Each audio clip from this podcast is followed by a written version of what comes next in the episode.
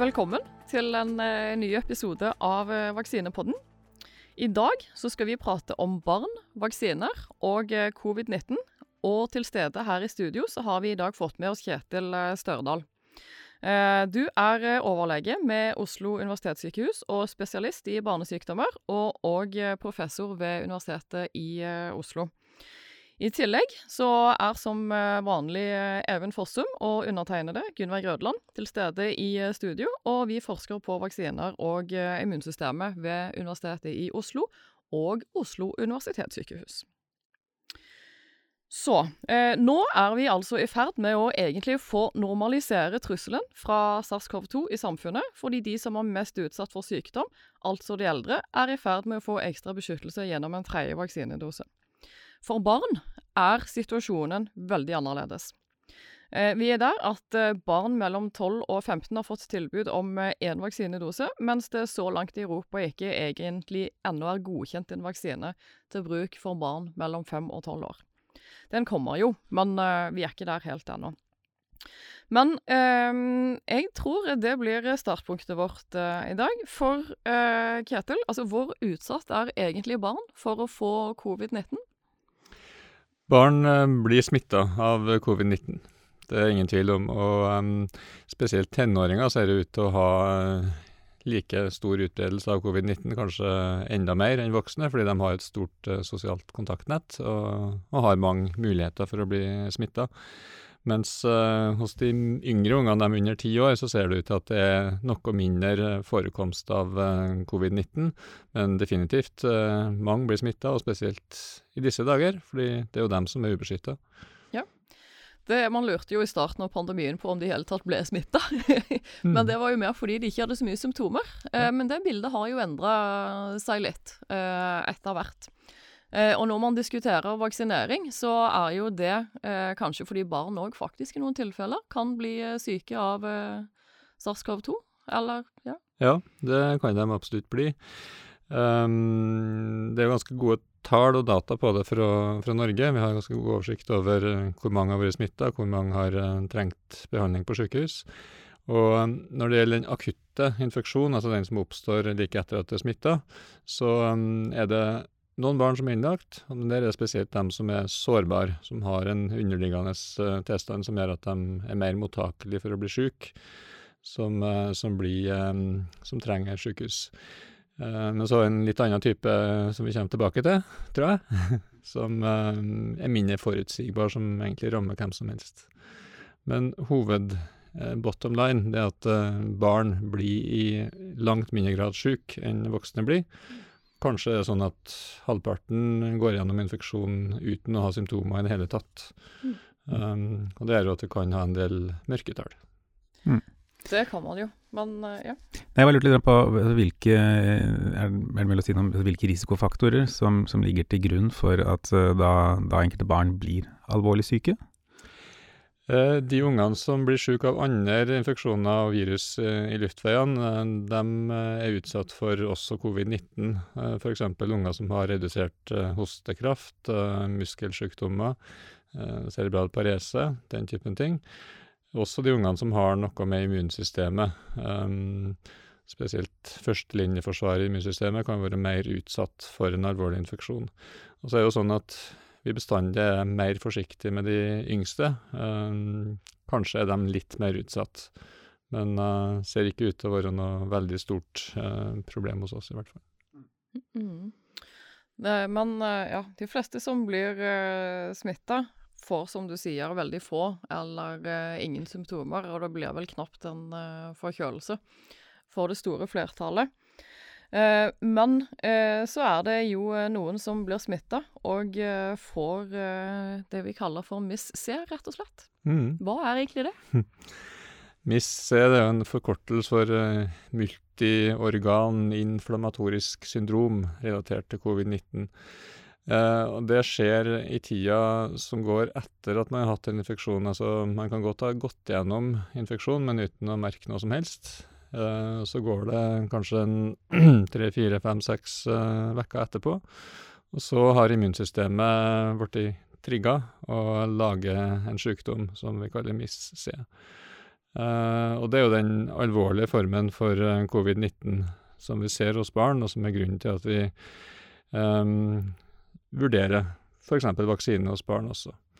Fordi noen får den MIS-C, og det er på en måte ikke mulig å for, forutse hvem som får det. Vi har ingen indikasjoner på at noen er mer utsatt. Det er like mange gutter som jenter, det er store og små barn. Det er ikke spesielt underliggende syke barn i utgangspunktet.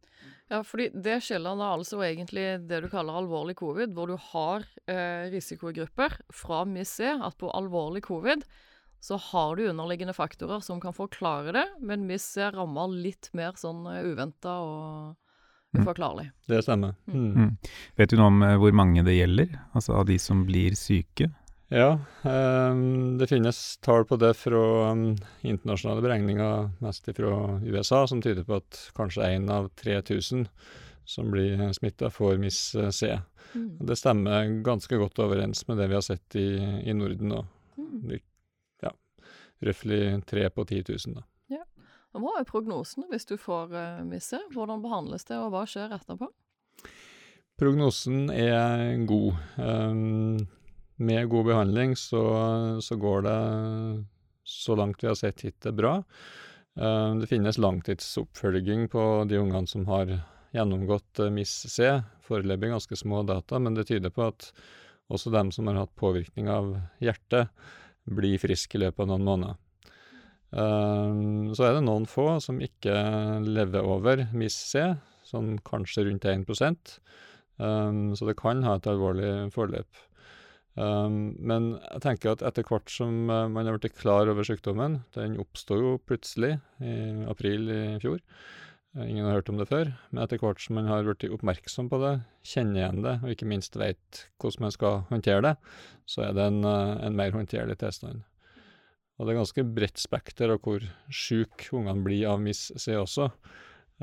noen blir ordentlig sjuke og må på intensiv, mens andre har en ganske mild sykdom. Mm. Også av MIS-C.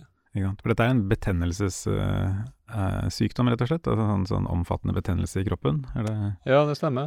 Det er immunsystemet som uh, kaller overreagerer, og som uh, lager en betennelse der det går til angrep på um, bl.a. slimhinner, hud, så du kan få utslett, du kan få øyekatarr. Du kan få påvirkning av hjertet, hjertemuskel og um, den posen som ligger rundt hjertet, perikard. Du kan òg få um, påvirkning av um, mage-tarm. Ganske vanlig med magesmerter, oppkast, diaré ved MIS-C. Og alle sammen har feber. Mm. En feberreaksjon. Mm. Eh, så ja, så vaksinene for eh, barn vil jo da potensielt sett kunne brukes for å redusere sannsynligheten enda mer for at du får eh, MIS-C. Eh, men det man jo òg argumenterer med, er at selv hvis du skulle få en mild sykdom, så vet vi jo fra eldre og voksne at vi kan ha lange ettervirkninger, og at egentlig en forbausende stor andel av de som har hatt selv en mild sykdom, har det. Men hos barn så er jo det litt forskjellig. Det ser sånn ut. Barn er forskjellige fra voksne i alle aspekt av eh, covid-19. Eh, det finnes etter hvert noen eh, relativt gode studier som har sett på forekomsten av symptomer i etterkant, kall det en post-covid, og sammenligna både barn i ulike aldersgrupper og, og, med voksne. Og det er ingen tvil om at det er lavere forekomst av symptomer i etterkant hos barn enn det er hos voksne. Um, det Mm. Jeg fant faktisk en eh, studie av eh, ganske mange barn fra Storbritannia. Eh, som tok og testa eh, vel, fire forskjellige måter å vurdere eh, disse long covid-ettervirkningene i ulike aldersgrupper. da. Og det som er litt interessant, er at i barn under tolv år så fant de flere tilfeller av long covid blant de som ikke hadde hatt eh, sykdommen, sammenligna med de som faktisk hadde testa positivt. Ja. Og det eh, viser jo eh, Vel, for det første så viser det at det å vurdere long covid kan være veldig vanskelig. Mm. Fordi mange av de tingene som er assosiert med det, er relativt vanlige plager som finnes i eh, samfunnet hos de fleste av oss, egentlig. Altså, man kan Ja. kjenne seg litt utslitt. Man eh, Ja, Det har jo man altså- eh, tenk har altså- mange av de. Pandemien har jo ikke gitt mindre av de tilfellene heller, ikke sant. Altså det, er, det er mange som da, ikke sant, man har konsekvenser av å holde seg hjemme, være separert fra venner. Det har vært en veldig sånn påkjenning på alle mulige måter, så det er ikke rart at folk ja. Ja. Mm. Jeg tenker at um, det er veldig viktig at uh, når man snakker om post-covid, at man har for det første uh, undersøker en representativ gruppe. Eh, Noen av studiene har jo eh, helt klart mista såpass mange at det er vanskelig å si om dem som svarer på en undersøkelse, er representative for alle som har hatt smitte. Og det andre poenget er at du må ha noen du kan sammenligne med, sånn at du veit hva som er forekomsten av f.eks. hodepine, enten du har hatt covid eller ikke, i aldersgruppa. Um, en undersøkelse fra Tyskland som er ganske interessant, den eh, har jo sett på det med mm, antistoffer, uavhengig av om du vet om du har vært smitta eller ikke, og liksom erkjent infeksjon, og spurt eh, barn og tenåringer om eh, symptomer de har. Og de finner ikke noe forskjell mellom dem som har hatt og dem som ikke har hatt covid-19. Um, jeg tenker at det er fortsatt en del kunnskap som vi mangler. Vi skal være åpne for at eh, det kan være noen som er mer sårbare for ettervirkninger etter eh, infeksjoner. Eh, men det ser ut til å gjelde infeksjoner generelt. Det er jo ikke noe nytt i forhold til, til covid, egentlig. Mhm. Ja, det er jo sant. Det var en ganske nylig metastudie som faktisk kom for bare noen dager siden. De så på barn under 19, eh, og de fant at eh, de som hadde kognitive problemer i etterkant av eh, en infeksjon med SARS-CoV-2, det var 3% i barn under 19.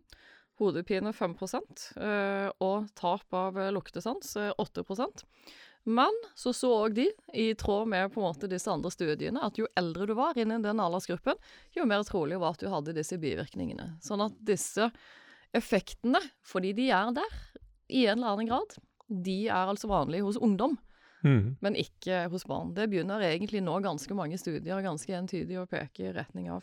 Mm. Og det er jo veldig viktig Mm. Absolutt. for uh, barn. Uh, men eh, barn eh, Jeg tror det er ganske mange som etter hvert har sagt det, og kanskje eh, man eh, faktisk heldigvis òg begynner å ta større høyde for det, fordi barn er ikke små voksne.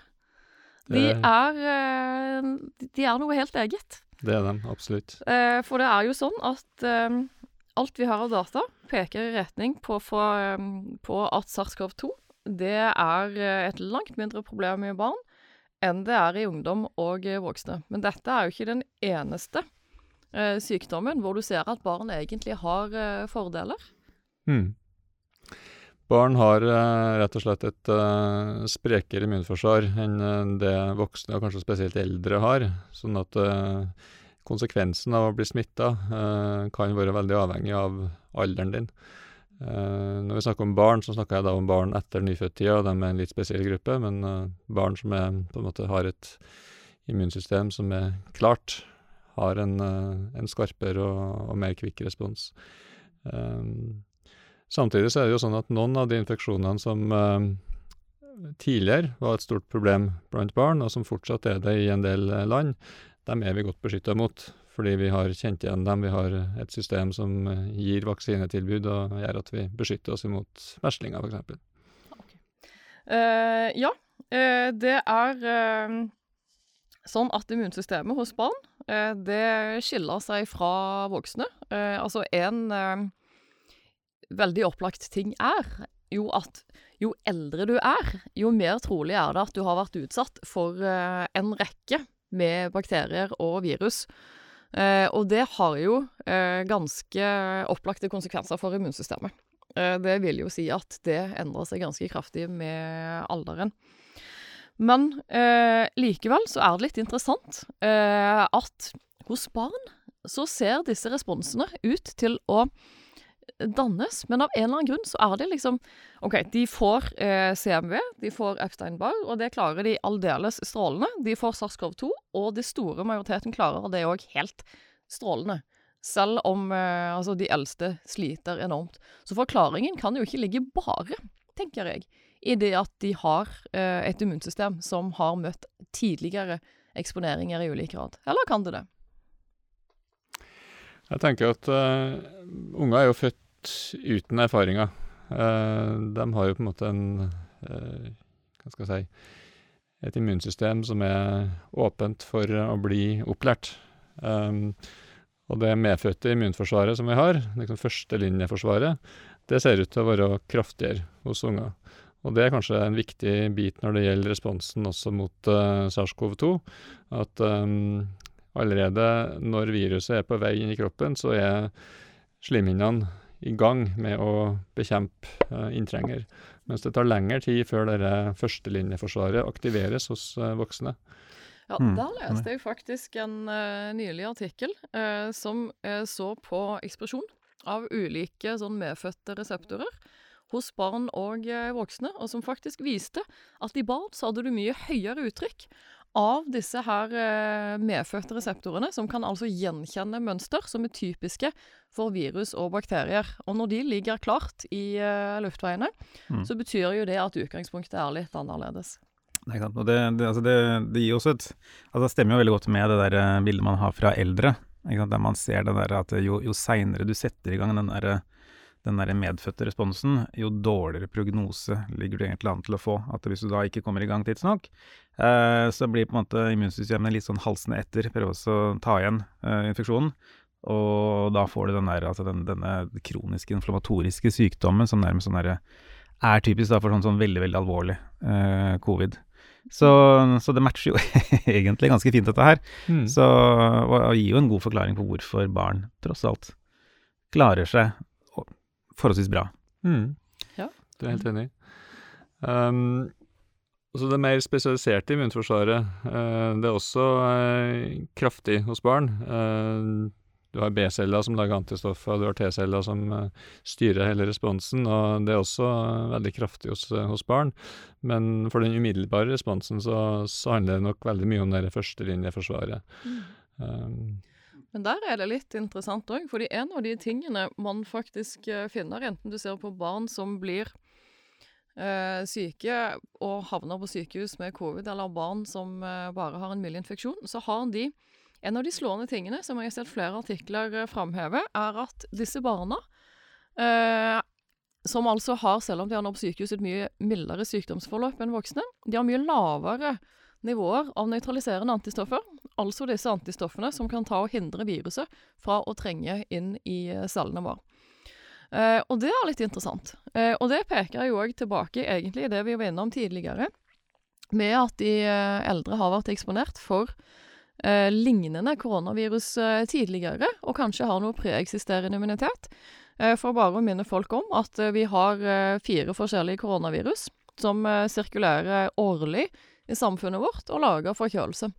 Og Vi har ennå ikke en klar forståelse av hva responsene som vi har dannet mot de, har å si for SARS-CoV-2. Nei, men, men, kan dette også være litt relatert til at hvis du har en, en veldig tidlig eh, sånn, sånn førstelinjerespons, da, og klarer å til en viss grad slå altså bremse virusproduksjon tidlig, så kan det også ha en sammenheng med sånn, hvor mye antistoffer du faktisk lager, hvor mye nøytraliserende antistoffer. Man ser jo også det i en del av disse, de som blir veldig alvorlig syke, at de lager mye nøytraliserende antistoffer, men de kommer da gjerne for seint.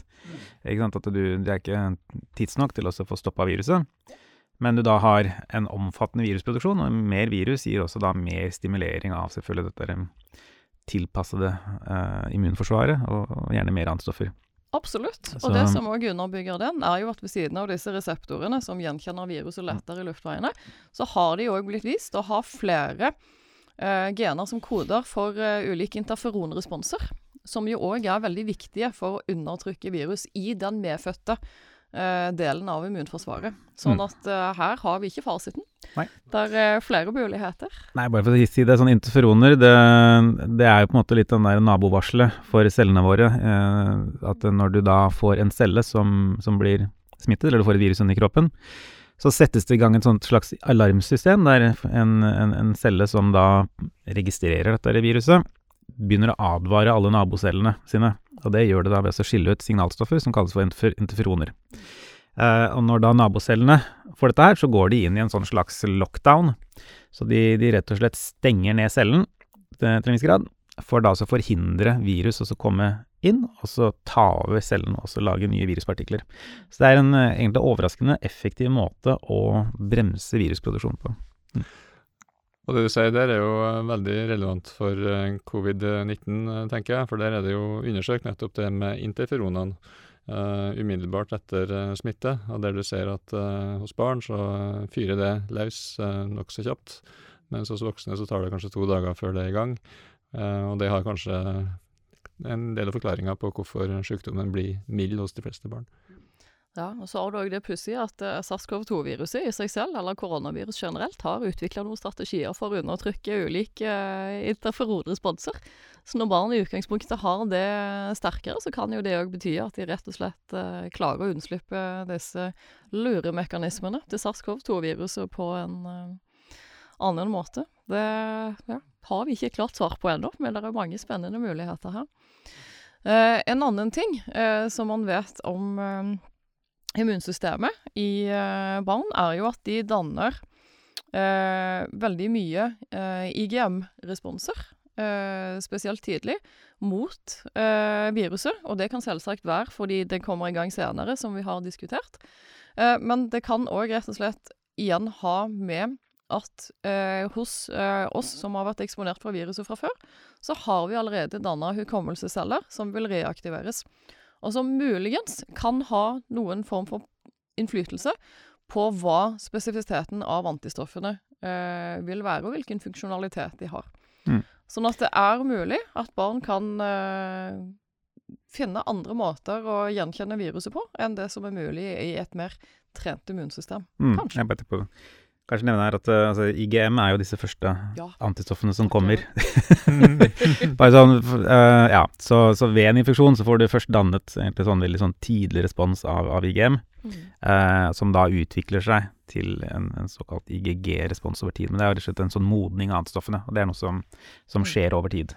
Ja, og typisk så, binder uh, eh, IGM. Altså det kan binde mye bredere til litt sånn uh, større variasjon, mm. uh, men med lavere effekt. Altså de binder svakere, men de binder bredere. Og så danner det da basisen for, som Even sier, at det dannes nye og enda mer effektive IGG-antistoffer. Mm. Men så tror jeg det er viktig å nyansere litt når jeg snakker om barn. Så er barn veldig forskjellige etter uh, alder. Og uh, hos nyfødte, uh, spesielt de som er født litt før tida, så er jo immunsystemet veldig forskjellig fra sånn som det blir seinere i barn, barnealder. Um, sånn at det vi kan si at barn generelt har et veldig sprekt immunforsvar, så har nyfødte kanskje det motsatte. Um, men der har vi jo heldigvis en uh, slags uh, bru som uh, hjelper nyfødte over i tilværelsen utafor mors mage, gjennom at det er beskytta både av mors antistoffer, overført gjennom svangerskapet, men også gjennom morsmelk, som overfører ikke bare antistoffer, men en rekke faktorer som, som gir beskyttelse.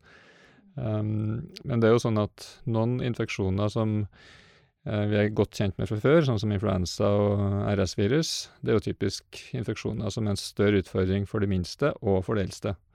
Der har du en sånn uforma risiko for alvorlig sykdom. Mm. Um, mm. Ja. Nei, det er uh, viktig å huske på at barn uh, igjen, de er ikke uh, små voksne. Og de tiltakene som er riktige for voksne, er ikke nødvendigvis riktige òg for barn. Fordi immunsystemet er forskjellig, og risikoen er derfor òg forskjellig. Og det bringer oss uh, rett inn på eh, vaksiner. Eh, fordi i USA så er jo vaksiner godkjent ned til fem år. og det diskuteres òg i EMA, og de fleste forventer vel at den er på trappene sånn rimelig snart, og med godkjenning i Europa. Mm. Nei, altså, de amerikanske legemiddelmyndighetene, uh, FDA, de godkjente da denne Pfizer-vaksinen til barn ned til fem år. Det skjedde da 29. Uh, oktober, tror jeg. Og så gikk da disse uh, amerikanske smittevernmyndighetene, altså CDC, de gikk ut med en anbefaling om å vaksinere barn noe seinere. Og nå har de jo da faktisk vaksinert nærmere tre millioner barn under tolv år i USA eh, siden dette her ble, ble, anbefalt, så det har gått unna i et rasende tempo eh, der borte. Og det de får, da, er jo da en, en De får ikke full dose av den vaksinen, så, så den godkjenningen som FDA gjorde, den var da basert på en, en, en fase tre-studie fra Pfizer, der barn fikk to doser med en tredjedels dose, rett og slett, av, av dette virkestoffet, denne mRNA-en. Eh, og med da, jeg tror det var 21 dagers mellom, mellom disse to dosene. Så de har på en måte gitt det litt likt av det som ble eh, gitt i de voksne studiene, bare tatt en lavere dose. Og effekten her har vel vært ganske god, sånn, så i hvert fall i det de har sett. Altså var, de hadde vel en 90 beskyttelse mot, uh, mot uh, sykdom. Uh, I la, syv dager etter andre dose de har målt, og så en viss periode etter det. Så, så, den beskyttende effekten er, er, tydeligvis god av vaksinen også i barn med en lavere dose. Ja. Husker du mm. hvordan de så på, eller hvordan de vurderer den beskyttende effekten? Jeg tror dette er vel Altså, det var ikke registrert ja. Har gjort det på to måter. en uh, måte en slags uh, proxy for immunrespons med mål antistoffer. Og da har de sammenligna antistoffresponsen på um, aldersgruppa 5 til 11 år med dem som er fra 16 år og oppover, og sett at uh, det er nokså lik respons med en tredjedel av dosen. Så uh, Den andre måten å måle på, det er jo hva som faktisk skjer i virkeligheten, hvor, uh, hvor mange infeksjoner får man. Og det er klart at i en sånn tross alt ganske begrensa studie. 1500 barn som har fått vaksine, og ca. 750 som har fått uh, placebo. Så uh, er det ikke kjempemange som uh, får infeksjon i løpet av to måneder.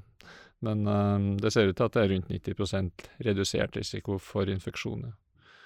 Så det er jo i tråd med det vi har sett i voksenstudiene. Mm. Og det er vel ingen, Jeg har vel ikke sett noen som lurer på om vaksinen ikke funker i barn. Det. Nei, det er ingen grunn til å lure på det, tenker jeg. Og ja.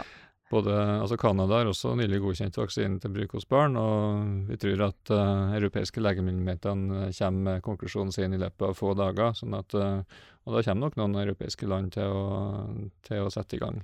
Mm. Ja, fordi man kunne jo si at uh, ettersom vaksinen trolig funker, så er det jo egentlig bare å sette i gang.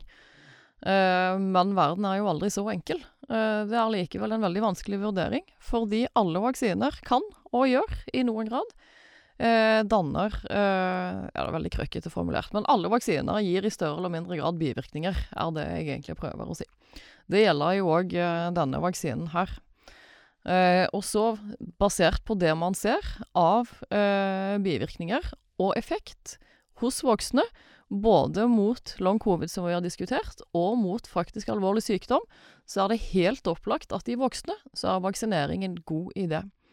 Med den lave risikoen som barn eh, har for alvorlig eh, sykdom, så er ikke det like opplagt. Og Derfor så tenker jeg at ulike land kommer nok til å ende på kanskje litt forskjellige løsninger. Um, for, uh, men bivirkninger har man jo òg uh, studert, i hvert fall i disse studiene. Uh, ja, altså bivirkningene er egentlig De er forholdsvis like det som blitt rapportert i disse voksenstudiene. Uh, det er liksom snakk om smerter på stikkstedet, det er feber, det er slapphet, det er altså den type uh, typiske bivirkninger en til sånn par dager etter, etter vaksinering. men som ble nevnt her, studien er på 1500 barn. Så den er jo ikke veldig stor. Uh, så selvfølgelig, mm, med tanke på hvis det skulle være mer sjeldne bivirkninger, så er ikke denne, disse studiene her tilstrekkelig til å registrere de helt ennå. Uh, men som nevnt så er det jo da faktisk vaksinert veldig mange etter dette her nå, så, så her vil det sannsynligvis komme mer informasjon, tenker jeg. ja. Ja, det håper jeg. Og uh, det er klart at de sjeldne bivirkningene dem er vi avhengig av at det blir vaksinert i stor skala for å, for å fange opp. Og det å ha um, tilgang på data fra USA, og kanskje aller mest uh, Canada, som har et ganske godt system for å fange opp bivirkninger, det er en, uh, det er en viktig ting når man skal vurdere bivirkninger i de sjeldne gata hos barn. Det, det, er jo ting som man har brukt når man skal vurdere vaksinering av ungdom fra tolv og oppover. og sett på data spesielt fra Canada, men også Norden har et samarbeid der vi fanger opp sånne ting. Mm. Og en av de vi er litt uh, redd for, da, og som vi ikke har så veldig mye data på omfanget av ennå, er jo hjerte- og hjerteposebetennelse. som vi vet har en økt forekomst blant uh, unge vaksinerte, spesielt uh, menn og gutter. Så den følges nok ekstra nøye opp de fleste steder. Mm. Men er det, jeg bare lurte på, er det Kan man forvente det samme i barn? Vet du noe om det? Eh, jeg tenker at det er ikke noe stor grunn til å tro at det er veldig forskjellig hos, eh, hos barn. um, fra fem til elleve i forhold til dem som er tolv år og oppover. Um, når det gjelder den forekomsten, eller den bivirkninga som uh, vi kaller perikarditt eller myokarditt, eller perimyokarditt, um, så er det en forholdsvis sjelden bivirkning. eh, kanskje rundt 1 på 10 000. Og som du sa i stad, er det stort sett eh, etter andre dose, og det er menn som er utsatt for å få det. Menn og gutter. Um, og Derfor så er det stor oppmerksomhet på det, og samarbeid mellom Danmark, Sverige, Norge, Finland for å fange opp eh, om vi ser mye av det. Så langt så er det ikke grunn til å si at vi har en, eh, et stort eh, problem der. Det, det er få tilfeller, og de tilfellene som er, er milde. Det er også viktig å si. Mm. I Canada så var det ca. halvparten som ikke ble lagt inn på sykehus, og det sier jo litt om at det er en ganske mild, eh, mild bivirkning. Mm. Men samtidig så er det sånn at eh, det er litt utrivelig hvis eh, hjertet blir påvirka, og derfor så gir man råd om å unngå fysisk aktivitet i tre måneder etterpå. Eh, Det er jo ikke helt uh, uproblematisk, så man er nødt til å ta litt forholdsregler. Mm. En, bare en liten ting til. Altså er det, vet man noe om da altså myokarditt, perikarditt etter covid? Altså etter at det gjennomgått etter smitte? Er det noe forskjell der, egentlig? For at til, ofte så har disse bivirkningene en tendens til å følge hverandre litt. At de sykdommen og vaksinen eventuelt altså man, Absolutt. Som jeg ser eh, også perimyokarditt etter en naturlig covid-infeksjon, og som kanskje er litt kraftigere enn vaksinebivirkninger. Mm. Ja. Det jeg eh, tenker, er at eh, jeg håper vi har overbevist dere som hører om egentlig én ting her. Eh, og det er at enkle forklaringer og enkle løsninger, enten de sier at det bare kjører på med vaksine, eller at vaksine er farlig, det er en sannhet med store modifikasjoner.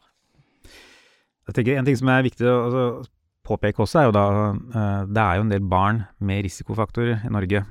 Og for de vil det jo være veldig gunstig å da faktisk kunne få denne vaksinen. Eh, rett og slett fordi det da har høyere risiko for å bli alvorlig syke, selv om det ikke er så mange av dem. Og selv om også blant de med underliggende symptomer så er vel, er vel risikoen lavere enn hos voksne. Men, men dog, altså det, det er en, et ekstra nivå av beskyttelse eh, de kan få. Som selvfølgelig gjør er, er veldig bra at denne vaksinen nå blir godkjent også for det alderstrinnet. Så også tenk deg på at eh, en annen faktor kan jo være altså hvis man har eldre eh, sårbare, altså i sårbare grupper, som har barn som er ute og leker med andre, så kan det også være en sånn ekstra mulighet for oss å få et, et ekstra nivå av beskyttelse. Hvis da mor eller far er altså transplantasjonspasient eller noe og har lav, altså må gå på immundempende medikamenter, eh, og da er generelt sant, bekymret for å bli smittet, så er det jo da en mulighet til å vaksinere barn, og så rett og slett for å gi en litt ekstra beskyttelse sånn, den veien. Mm. For de fleste barn så er det jo eh, lite bekymring rundt eh, om man skulle bli eh, smitta. Men det du sier der med at noen har en underliggende sykdom som gjør at det, det er ekstra risikofylt, eller noen i familien som du må beskytte spesielt, så tenker jeg at eh, det er hensyn som er kjempeviktig i praksis. Fordi at uh, Hvis alternativet er at man går rundt og er livredd for smitte um, i årevis, så er risikoen ved vaksine uh, absolutt uh, såpass lav at uh, vurderinga blir i retning å la seg vaksinere. Ja, der Der tenker jeg vi er ganske enige.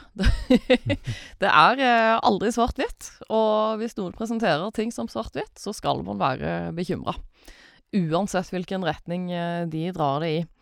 Eh, og eh, studier over landegrensene er vanskelig. Altså se på forskjeller blant barn i USA og Norge, f.eks. Der er det rimelig heftig forskjell i forekomsten av overvekt, som vi vet har en direkte konsekvens for både effekt av vaksiner og disponering for alvorlig sykdom. Det er jeg helt enig i, og jeg tror at vi skal være veldig forsiktige med å trekke eh, konklusjonene ut ifra hva som USA bestemmer seg for, eh, til forhold i Norge. Vi har heldigvis en befolkning som tar imot vaksiner i mye større grad enn USA og en del andre land som har veldig dårlig dekning, i Øst-Europa også. Eh, og som kan bli på en måte tvinga til å vaksinere også barn, rett og slett for å få god nok flokkbeskyttelse. Eh, I Norge så har tross alt over 90 av eh, voksne over 18 år tatt imot tilbud om vaksine. Og jeg tenker at det vil være et dårlig argument for å vaksinere barn, fordi vi skal komme opp i enda høyere flokkimmunitet. Da er det viktigere å få de siste 10% av voksne med på å ta imot vaksine. De har jo opplagt en nytte av det sjøl. De har en opplagt nytte av det selv, og hensikten med å vaksinere barn bør være i barnets interesse. Det tenker jeg er uh, utgangspunktet. Uh, så ja, tusen hjertelig takk for dere som var med meg i studio i dag. Kjetil Størdal og Even Fossum. Og tusen hjertelig takk til dere som lyttet. Jeg håper dere har blitt litt klokere på en eh, diskusjon som eh, vil eh, komme framover. Fordi nå er eh, sannsynligvis godkjenningen av eh, vaksiner hos EMA på trappene. Og vi vil eh, snart få avisene fulle av skriverier om A eller B er riktig. Sannheten ligger et eller annet sted mellom ytterpunktene, som alltid. Tusen hjertelig takk òg til Morten Skoglund for teknisk produksjon. Og eh, vi håper at dere får en fortreffelig dag videre.